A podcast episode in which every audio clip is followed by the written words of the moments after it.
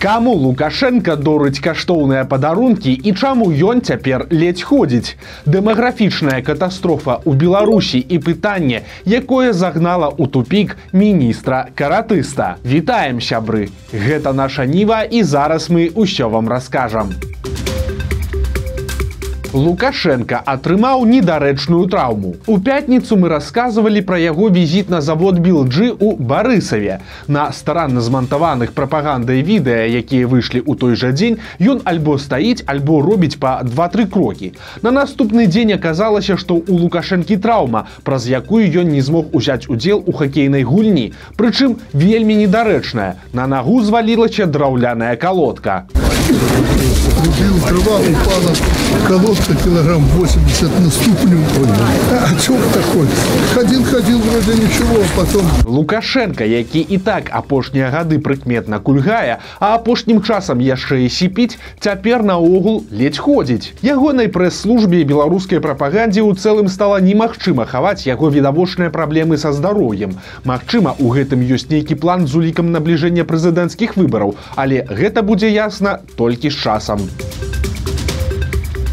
Дарагі падарунак для брацкага народа. Міністэрства інфармацыі Зімбабве пахвалілася цырымоніяй уручэння мабільнай клінікі сучасным медыцынскім абсталяваннем.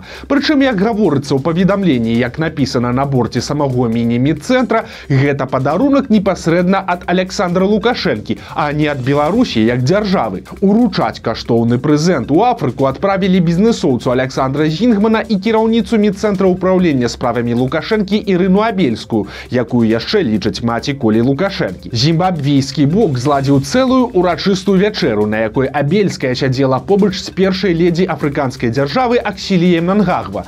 Прычым на цырымонію дзве жанчыны ішлі узяўшы адна адну за руку. Таксама цікава што пра гэтую паездку абельскай з важнай місіяй беларускія улады і прапагандысты вырашылі прамаўчаць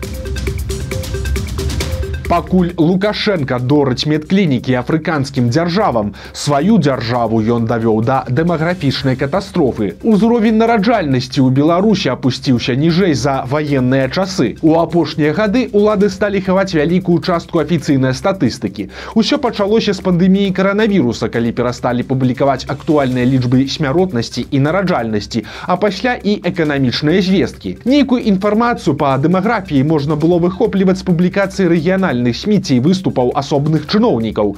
Мы змаглі адшукаць лічбы навароджаных па 40 раёнах Беларусі, а гэта прыкладна 30 процентаў жыхароў краіны.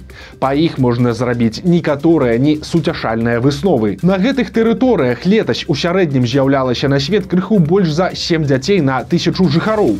У 2013 гэты каэфіцыент быў 13 цэлых і 12 сотых. У 2019 амаль 10. Такім чынам за десятгоддзе, якое ўключала ў сябе адсутнасць адсутнасць росту эканомікі каранавірус і палітычныя рэпрэсіі нараджальнасць у беларусі спікіравала амаль удвая. Ускосна гэтая лічба пацвярджаецца статыстыкай па дзецях народжаных на дзень незалежнасці.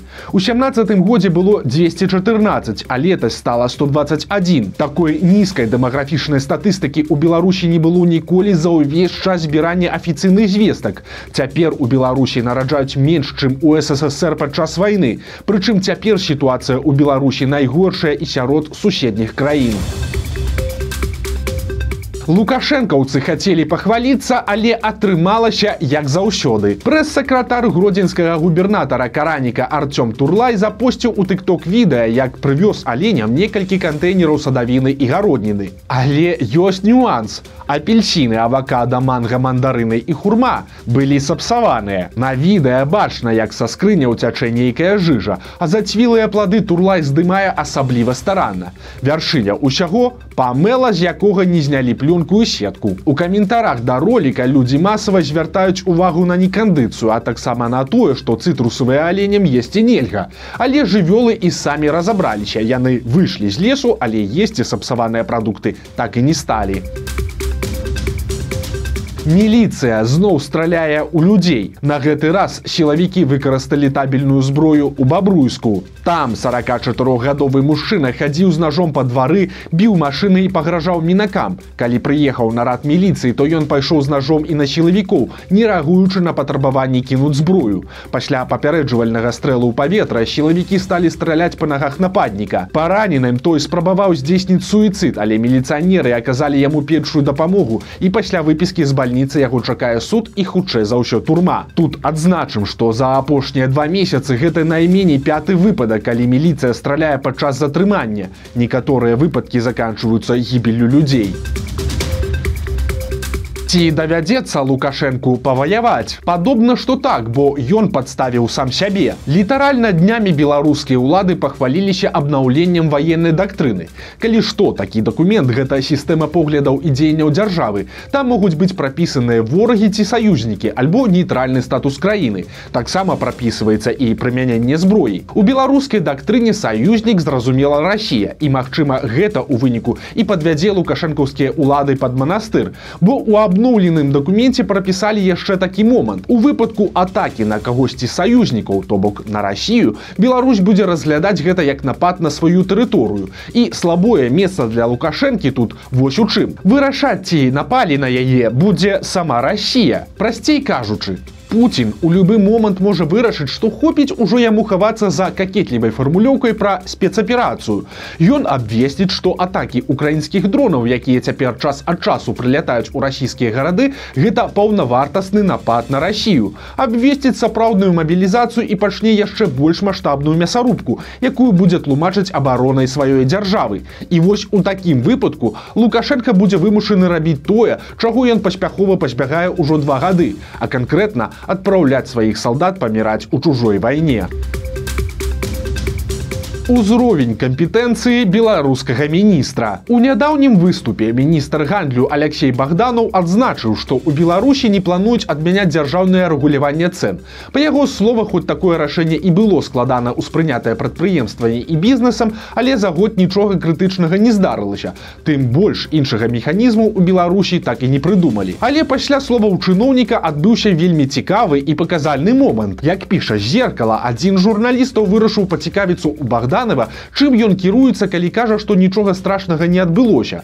Журналіст таксама прывёў лічбы белстата, паводле якіх назіраецца падзенне чыстага прыбытку і рэнтабельнасці прадпрыемстваў. Атрымаўся вельмі дзіўны дыялог. Спачатку Богданаў спрабаваў высветліць, хто яму задае пытанне і на чым яно грунтуецца, а пасля проста адказаў: Ну і што? А скончылася гэта ўсё тым, што чыноўнік сышоў ад адказу і прапанаваў іншым прысутным задаць нармальныя і канструктыўныя пытанні. Акрамя таго, тут тут варта адзначыць што цяперашні міністр па першай адукацыі фізрук і пачынаў сваю кар'еру трэнерам па каратэ.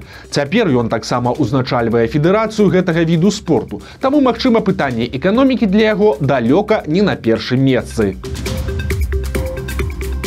Што можа прымусіць правакатараў перайсці на беларускую мову? Прысуд за палітыку. Вядомы сваімі фэйкамі і даносамі гомельскі блогер Яўген Катляроў паскардзіўся на пераслед. Ён запісаў відэа на беларускай мове, у якім расказаў, што атрымаў штрафы за рэпосты і нібыта абвешчаны ў вышук. Зараз я аб'яўлены ў розыск чамусь не ведаю чаму. І завтра хутчэй всяго пачнецца новая адміністратыўная альбо крымінальная справа. Так што лепш размаўляць на беларускай мове каб не все ведалі что гаварыцца гаворыцца я не помню как правильно у гэтых роликах. Но я вывучу беларускую мову я абяцаю Але журналісты флагшток адзначаюць, што ў раскладах судоў новых спраў супраць катлярова няма. Нельга выключаць, што гэта чарговая ягоная правакацыя. Раней блогер расказваў, што расчараваўся ва ўладзе пасля паходу ў аблвыканкам і што за пагроз сілавікоў быў вымушаны выдаліць свой тэлеграм-канал. Трагічная гібель пенсіянеркі адбылася ў жодзіне. 20 студзеня 82гадовая жанчына выходзіла з гарадскога аўтобуса, калі яе шубу заціснула дзвярыма. Яна паспрабавала выцягнуць вопратку, але кіроўца гэтага не заўважыў і пачаў рух. Пенсіянерка упала пад колы аўтобуса. Праз некаторы час яна памерла ў машыне хуткай дапамогі. Як вырашаюць праблемы беларускія камунальшчыкі? Пры дапамозе былых асуджаных і хімікаў. Тэлеканал СТБ пахваліўся нетрывіяльным вынаходніцтвам уладаў. Для ачысткі тэрыторыі каля сацыяльных аб'ектаў мінска сталі прыцягваць тых, хто нядаўна вызваліўся з месцаў пакарання, а таксама тых, у каго прысутні звязаны з пазбаўленнем волі. Падаецца, усё прапаганда як звычайна, нібыта работнікі добраахвотна захацелі дапамагчы з прыборкай снегу. То, что ты, ну, вот там где-то посиди, ну, посидишь, вот, ты ничему не научишься, а так хоть, ну, как-то начнешь исправляться хотя бы морально, и о, увидят люди то, что вот, ты становишься совершенно другим человеком. Як адзначаецца, сілавікі на першай акцыі спыняцца не збіраюцца і абяцаюць такую практыку зрабіць пастаяннай. Батон з беларускага райцэнтра узарваў тыкток. У садсетцы завірушылася відэа з прадукцыяй бярозаўскага камбіната кааператыўнай прамысловасці. Мужчына змінае рукамі батон у камяк, пасля чаго той хутка прымае першапачатковую форму. Ролік сабраў у тыктоку больш за паўтара мільёна праглядаў і сотні каментару. Людзі спрачаліся, а ці можна лічыць такі батон якасным. Але мясцовая раёнка нават звярнулася да начальніцы лабараторыі камбіната, а тая растлумачыла, што такія гумовыя якасці сведчаць пра добрую якасць сыравіны і гатовай прадукцыі. Вось такія навіны панядзелка. Подписывайтеся на канал, стаўце лайки альбо дызлайки і выказвайце заўвагі ў каментарах. І канешне, чытайце нашу ніву, глядзіце нашу ніву і любіце Беларусь. Сустрэнемся заўтра.